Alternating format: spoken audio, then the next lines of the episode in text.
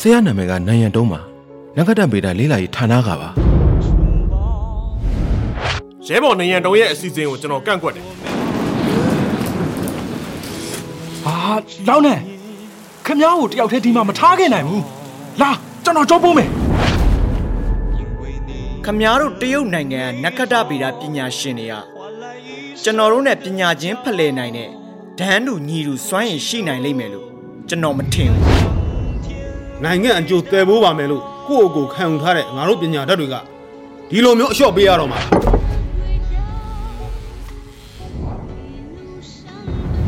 မင်းရဲ့ရေဒီယိုမှန်မြောင်းစီမံကိန်းကိုမဖြစ်ဖြစ်အောင်ဆက်လုပ်သွားရမယ်ငါတို့နက္ခတ္တဗေဒပညာရှင်တွေကဒီလိုမျိုးလူတစုပြီးတစုအဆက်မပြတ်လက်ဆင့်ကမ်းပြီးတော့ဘဝတစ်ခုလုံးနဲ့ရင်းပြီး နက္ခတ္တရာတွေကိုစောင့်ရှောက်ကြည့်ရှုခဲ့ရတာပေါ့ကွာ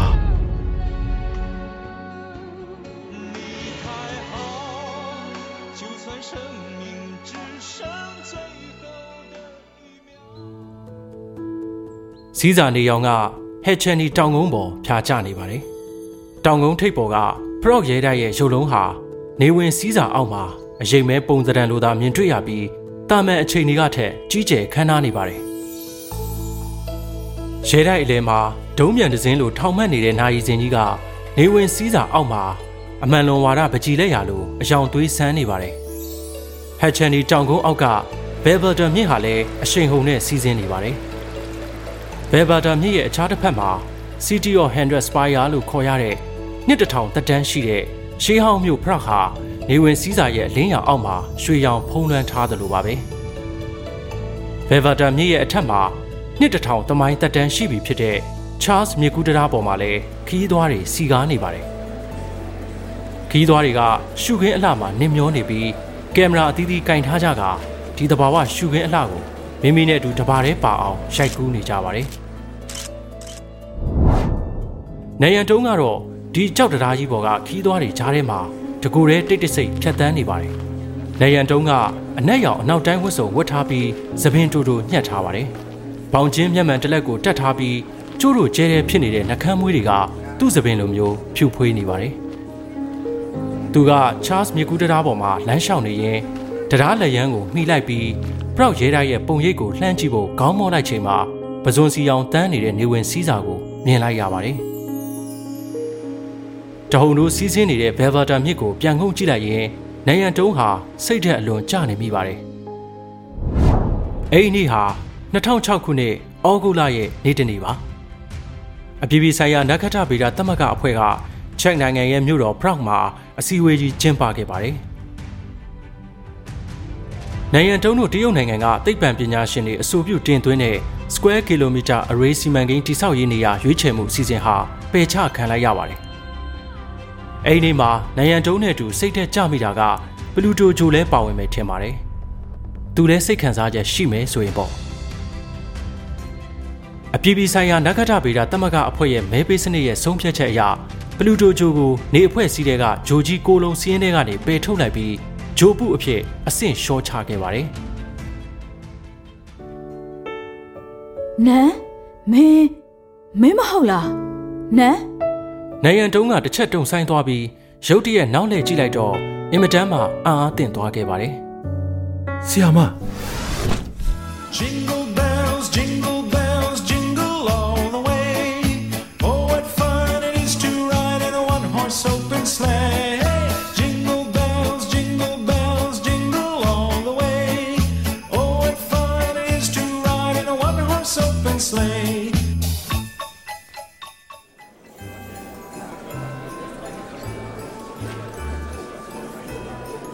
1969ခုနှစ်အင်္ဂလန်နိုင်ငံက Cambridge တက္ကသိုလ်ထဲမှာခရစ်စမတ်အကြိုနေ့အတွက်ပျော်ရွှင်စရာအငွေ့အသက်တွေပြည့်နေနေပါပြီ။ကျောင်းသားတွေကအုပ်စုဖွဲ့ပြီးကျောင်းဝင်းထဲမှာခက်တုတ်တုတ်သွားနေကြပါတယ် Jocelyn ငါ့နဲ့တူတူမလိုက်တော့ဘူးလားဒီနေ့က Christmas ကြိုနေ့လေဟာနင်တို့ပဲသွားလိုက်ပါငါအချက်လက်လေးတွေစီစစ်စရာရှိသေးလို့ဟာနင်ကလည်းပြင်းစရာကောင်းတဲ့အလုပ်တွေလုပ်နေစမ်းပါနဲ့ငါ့နဲ့တူတူမြို့ထဲမှာသွားပျော်ရအောင်လေ ဟမ်မလိုက်တော့ပါဘူးဟာနင်တို့လည်း Merry Christmas နော်အသက်24နှစ်သာရှိသေးတဲ့ပါရဂူကျောင်းသူတဦးဖြစ်တဲ့ Joycelyn Bell Banner ကအနက်ရောင်တိုးမွေးကုတ်အင်းကြီးဝတ်ထားကအနက်ရောင်ဆဲလူလိုက်ပေါင်နဲ့မျက်မှန်တက်လက်တက်ထားပြီးနှက်ခမ်းကနည်းနည်းပြုံးနေပါတယ်။ဒီချိန်မှာသူမကစာတန်းအချက်လက်တွေတပုံကြီးပိုက်ပြီးတော့လူအုပ်ကြီးနဲ့စန့်ကျင်ဘက်နေရာကိုထွက်လာပြီးသူတည်တနာစမ်းသက်ခန်းဘက်ကိုအလင်းမြန်ရှောက်လာပါတယ်။ စမ်းသက်ခန်းရဲ့လေးပင်နဲ့တစ်သားတကားကြီးကိုတွန်းဖွင့်လိုက်တဲ့အခါ Joycelyn ရဲ့မျက်လုံးထဲမှာအရင်ဆုံးမြင်လိုက်ရတာကနေရန်တစ်ခုလုံးနေရာအပြည့်ယူထားတဲ့ data ဖန်းဆက်တစ်ခုပဲဖြစ်ပါတယ်။စမ်းသက်ခန်းထဲကမီးလုံးဟာတနေကုန်ဖွင့်ထားပြီး data ဖန်းဆက်ကတဝုံဝုံနဲ့အတန်ဟာမှန်မှန်ပေါ်ထွက်နေပါတယ်။ data ဖန်းဆက်ရဲ့ဘေးကစပွဲပေါ်မှာ data ဖန်းဆက်ကထွက်လာတဲ့မှတ်တမ်းစာရွက်တွေဟာတောင်လိုရာလိုပုံနေပါတယ်။ data ဖန်းဆက်ရဲ့မှင်နီဘောပင်က အလျားထောင်လိုက် coordinate တွေရေးဆွဲထားတဲ့မှတ်တမ်းစာရွက်ပေါ်မှာ ECG ဆက်လိုမျိုးသွေးခုန်နှုံသင်္ကေတတွေကိုမမောမပန်းနဲ့ရေးဆွဲနေပါတယ်။ Joycelyn ကကုတ်အင်းကြီးကိုချွတ်ပြီးတကားဘေးနားကအင်းကြီးစင်ပေါ်မှာချိတ်ထားလိုက်ပါတယ်။စပွဲဘေးကိုသူမရှောက်လာပြီးမှတ်တမ်းစာရွက်တွေကို view တစ်စိုက်နဲ့အစင်လိုက်ပြန်စီလိုက်ပါတယ်။ပြီးတော့မှထိုင်ကုန်မှာထိုင်လိုက်ပြီးမှတ်တမ်းစာရွက်တွေကိုတရွက်ချင်းစီအသေးစိတ်လိုက်ကြည့်ဟာနတ်မောင်းနေတဲ့မျက်လုံးတစ်စုံက စာရွက်ပေါ်ကသင်္ကေတတိုင်းကိုတေချာဖတ်ရှုနေပါတယ်။ဒါဟာဒီနှစ်နှစ်အတွင်းမှာသူမအတွက်နေ့တိုင်းမယမနာလုပ်ခဲ့တဲ့အလုပ်တစ်ခုပါဒီ data ဖန်းဆက်ရဲ့လျှက်စစ်ကြိုးကမြို့ပြင်စင်ချေဖုံးကကီလိုမီတာအနည်းငယ်ရှည်လျားတဲ့ area တိုင်အစုနဲ့ချိတ်ဆက်ထားတာပါဒီ area တိုင်အစုကလူတရက်အမြင့်ရှိတဲ့တစ်သားတိုင်4-500ကိုမြေကြီးထဲမှာစိုက်ပြီးထောက်ပြုတ်ထားတဲ့ဝါယာကြိုးတွေနဲ့ဖွဲ့စည်းထားတာပါ Joycelyn သူမရဲ့ဆရာ Anthony Hewish ကိုယ်တိုင်တိစောက်ထားတာပါတည်သက်မှုတော့တိတ်မရှိပါဘူးအဲ့ဒါကသူတို့ရဲ့ရေဒီယိုမှန်မြောင်းပါပဲလက်ရှိမှာတော့စက်ကြောလာအာကာတာတွေကရေဒီယိုလှိုင်းကိုဖမ်းယူနေကြတာပါအဲ့ဒီခေတ်မှာတော့ကစက်ကြောလာထဲမှာရေဒီယိုလှိုင်းထုတ်လွှင့်နိုင်တဲ့အာကာသဝတ္ထုတည်ရှိနေတာကိုလူသားတွေရှာတွေ့ခဲ့ကြပြီးအဲ့ဒီအရာကိုကွာစာလို့နာမည်ပေးခဲ့ကြပါတယ် Joycelyn ပါဝင်တဲ့သူတည်တနာအဖွဲ့ကသူတို့ရဲ့လိလာစမ်းသပ်ရေးကို ဒီလိုလျှို့ဝှက်စမ်းကြဲတဲ့ကွာစာပေါ်မှာပြစ်မှတ်ထားခဲ့ကြပါတယ်။ data ဖန်းဆက်ကနေတိုင်းလိုလိုမီတာ30ရှည်လျားတဲ့မှတ်တမ်းစာရွက်တွေကိုထုတ်ပေးပါတယ်။ Joycelyn ကဒီမှတ်တမ်းစာရွက်တွေပေါ်ကသင်္ကေတတွေကိုအကုန်လုံးဖတ်ရှုလိုက်ပြီးပြန်လည်စီစစ်မှုတွေတရက်စာအပြီးလုပ်ပေးရပါတယ်။အပြင်လူတွေရဲ့အမြင်မှာဂျိုသားစာအုပ်လိုမျိုးထင်ရတဲ့အနီရောင်သင်္ကေတတွေကနေ့စဉ်ရက်ဆက်လောက်ကင်လာတော့ Joycelyn နဲ့စိတ်ချင်းဆက်နေပြီလို့တောင် ထင်ရစေပါတယ်။ Joycelyn ရဲ့ညာလက်ကခဲတံတစ်ချောင်းကိုကင်ပြီးမှတ်တမ်းစာရွက်ပေါ်မှာအကြည့်တစ်ချမ်းမှမလွတ်ပဲဖြည်းဖြည်းချင်းလိုက်ဆွဲနေပါတယ်။ Joycelyn ရဲ့မျက်လုံးကရုတ်တရက်တစ်ခုခုကိုရှာတွေ့သွားတယ်လို့မျိုးဖြစ်သွားပြီးငကိုကတည်ငြိမ်နေတဲ့စိတ်တွေဟာလျက်စီးလက်တယ်လို့ဖြစ်သွားပါတယ်။ Joycelyn ကသူမရဲ့နှလုံးခုန်တန်းတွေမြန်လာပြီးလက်ဖွားမှာချွေးပြန်လာတာကိုသတိထားမိလိုက်ပါတယ်။သူကမှတ်တမ်းစာရွက်ကိုရှေ့ကိုပြန်လှန်လိုက်ပြီး ခုနကစစ်ဆေးကြည့်ရှုခဲ့တဲ့စာရွက်ကိုအစကနေပြန်စစ်ဆေးလိုက်ချိန်မှာတော့နှလုံးခုန်တန်းတွေဟာပုံမြန်လာပါတော့တယ်။မှတ်တမ်းစာရွက်ပုံကြီးဟာ Joycelyn ရဲ့လှုပ်ရှားမှုကြောင့်ဟန်ချက်ပြတ်သွားပြီးစပွဲပေါ်ကနေကျမ်းမြင်ပေါ်ကိုရှော့ချသွားပါတော့တယ်။ Joycelyn ကဓာရီကိုဂယုမဆိုင်နိုင်ပဲ data ဖန်းဆက်ဘေးနားကိုအပြေးလျှောက်လာလိုက်ပါတယ်။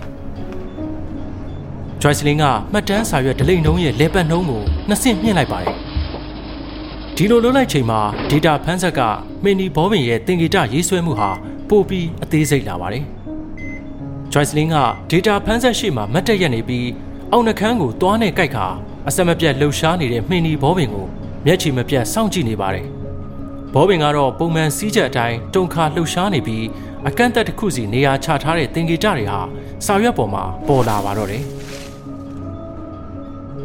Joycelyn ကဒီမှတ်တမ်းစာရွက်ကို data ဖန်းဆက်ထဲကစောင့်ဆွဲယူလိုက်ပြီးစပွဲပေါ်တင်ကပေတံနဲ့တေချာလိုက်တိုင်းကြည့်နေပါတယ်တစ်တသမ33စက္ကန့်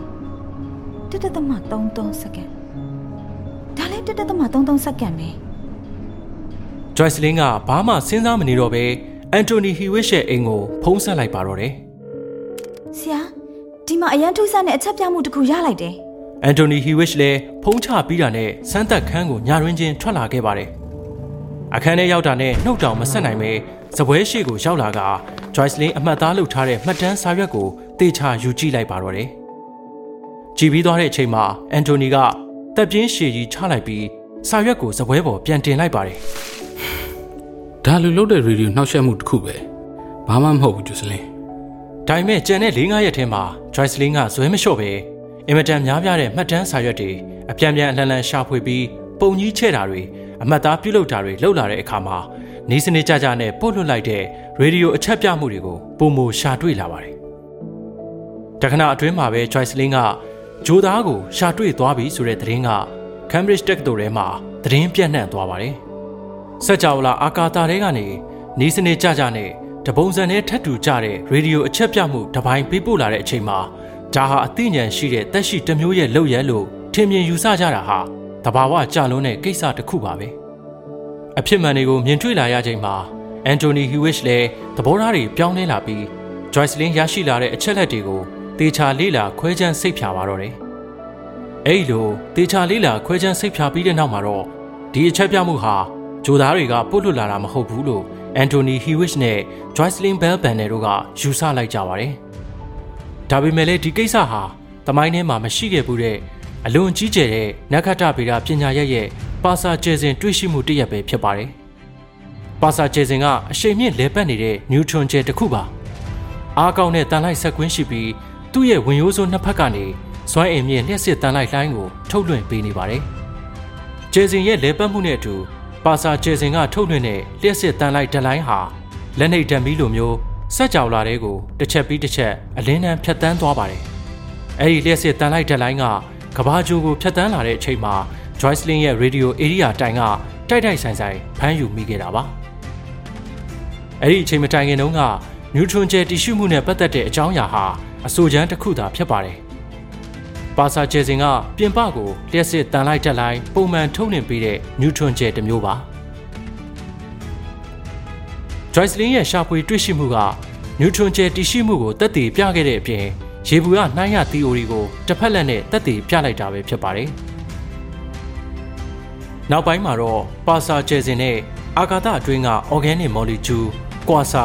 စက်ကြောလာနောက်ခံဖြာထွက်လိုင်းတို့ကိုလူသားတို့ရဲ့20ရာစုနှစ်သမိုင်းမှာတွေ့ရှိခဲ့တဲ့နက္ခတ္တဗေဒတွေ့ရှိချက်ကြီး၄ခုအဖြစ်သတ်မှတ်ခဲ့ကြပါတယ်